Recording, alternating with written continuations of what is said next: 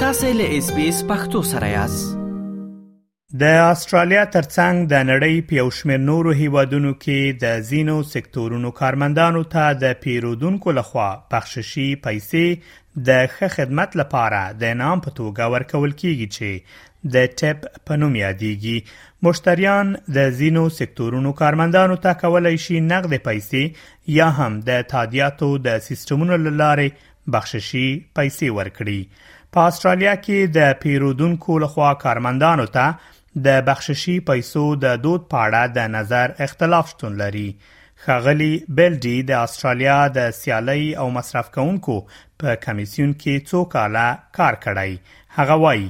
بخششي پیسې ورکول یو کلتوري مسله ده په استرالیا کې د بخششي پیسو ورکولو دود له نور هیوادونو سره توپیر لري د بیلګې په توګه په امریکا کې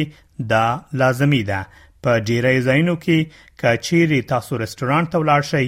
نو د هغو په بیل کې د ټیپ پیسو ورکولو انتخاب شتون لري همدارز په ځینو ځایونو کې دا تمه هم شتون لري ترڅو تاسو د ټکسي ډریورانو ته بخششي پیسې ورکړئ مګر په استرالیا کې په دې ډول څه شتون نه لري له فرهنګي پلوه خلک اوس ډیر په دې اړه همغږي شوي ترڅو بخششي پیسې ورکول د خلکو په خپل خوخه یا رضاکار ډول سره ووسیږي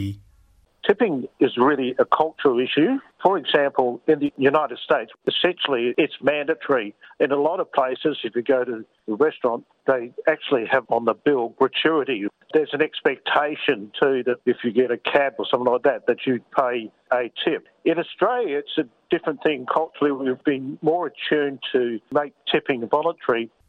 ښاغلی ډي وايي، په اسټرالیا کې بخششي پیسې ورکول د رضایت یا ستاینې څرګندونه ده. د بیلګې په توګه، که تاسو په رستورانت کې یاست او ګارسون تاسو ته ښه خدمت وړاندې کوي او تاسو فکر کوئ چې خواړه خورا ښه دي،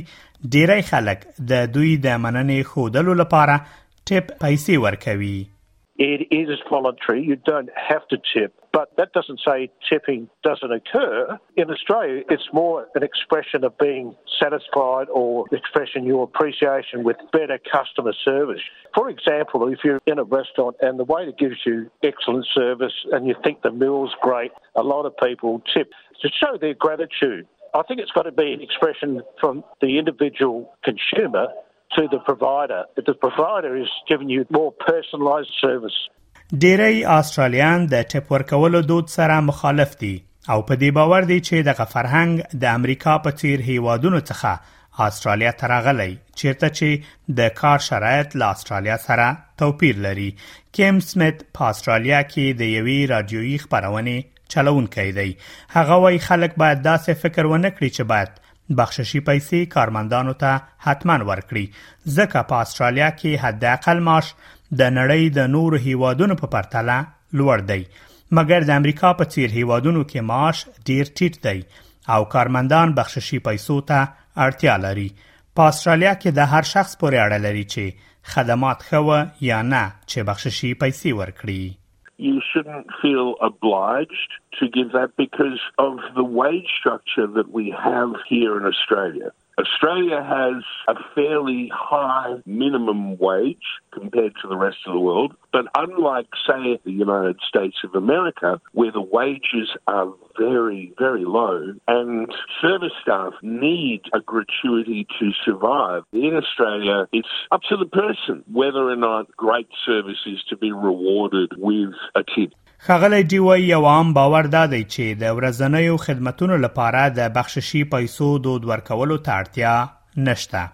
هغه وایي په استرالیا کې د بخششي پیسو ورکول د خو خدمتونو لپاره د مننې څرګندونه ده نو موړی زیاتوي په استرالیا کې یو وینا شتون لري هغه دا ده چې که تاسو په استرالیا کې یاست تاسو د هغه څه لپاره پیسې ورکوي چې تاسو یې ترلاسه کوئ مګر که څوک له ټاکل شوی اندازې زیات خدمت ترسره کوي نو ډیری خلک به دوی ته د دې لګ څه اضافي خدمت لپاره بخششي پیسې ورکړي The thing about tipping in Australia is its expression of gratitude for service that goes beyond the ordinary service. And if their service is just ordinary, then it's a bit of a steal to ask for more. There's a saying here in Australia, you pay for what you get. But if someone goes that little bit further, that little bit extra, then a lot of people will reward them for that little bit extra. که چیرې څوک غواړي په استرالیا کې کارمندانو ته بخششي پیسې ورکړي هغوی کولای شي دا کار په بیلا بیلو طریقو تر سره کړي د بیلګې په توګه کولای شي نقد پیسې پر میز پرېږدي د پیسو ورکولو پر مهال یې په هغه جک کې واچوي چې د میز پر سر ایښی وي یا هم کولای شي د تادیاتو د سیستم لارې ورکړي د رستورانت مالک له هغه وروسته بخششي پیسې خپل کارمندانو ته ویشي د کورونا ویروس له وبا راځي په استرالیا کې د ټیپ ورکولو یا بخششي پیسو ورکولو دود کې بدلون راغلی دی د اوپن ټیبل په نوم ادارې لخوا تر سره شوې تیرنې ښیي چې د کورونا وبا لامل د ټیپ ورکولو په دود کې بدلون راغلی دی د اوپن ټیبل ادارې څخه روبن چانګ وایي د دوی سروې ښیي چې له وبا او محدودیتونو وروسته اوس 25 سلنه استرالیان خوښ دي ترڅو بخششي پیسې یا ټپ ورکړي هغه په دې باور ده چې له وبا وروسته دا یو لوی بدلون دی چې خلک څرنګه غواړي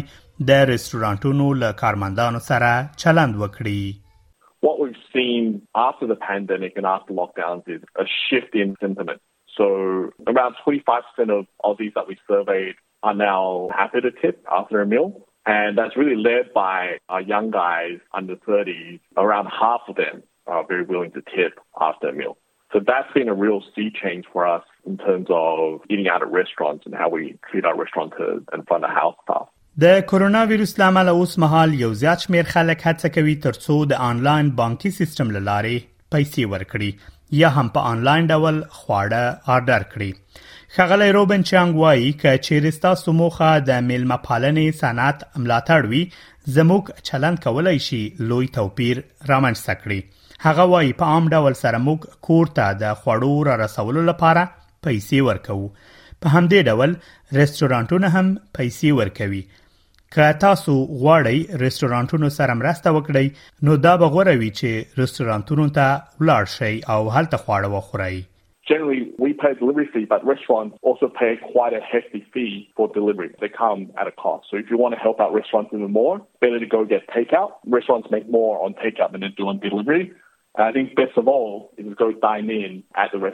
په داسې حال کې چې د خلکو نظرونه او عادتونه خورا توپیر لري، په یاد ولرئ چې په اسټرالیا کې د پیرودونکو له خوا کارمندانو ته بخششي پیسې یا ټیپ ورکول جبري نه دي او تاسو پورې اړه لري چې غواړئ دغه کار وکړئ او که نه. اس پی اس پختو په فیسبوک کې تا کې پلی مطلب یو فاک کړئ نظر ور کړئ او له نورو سره شریک کړئ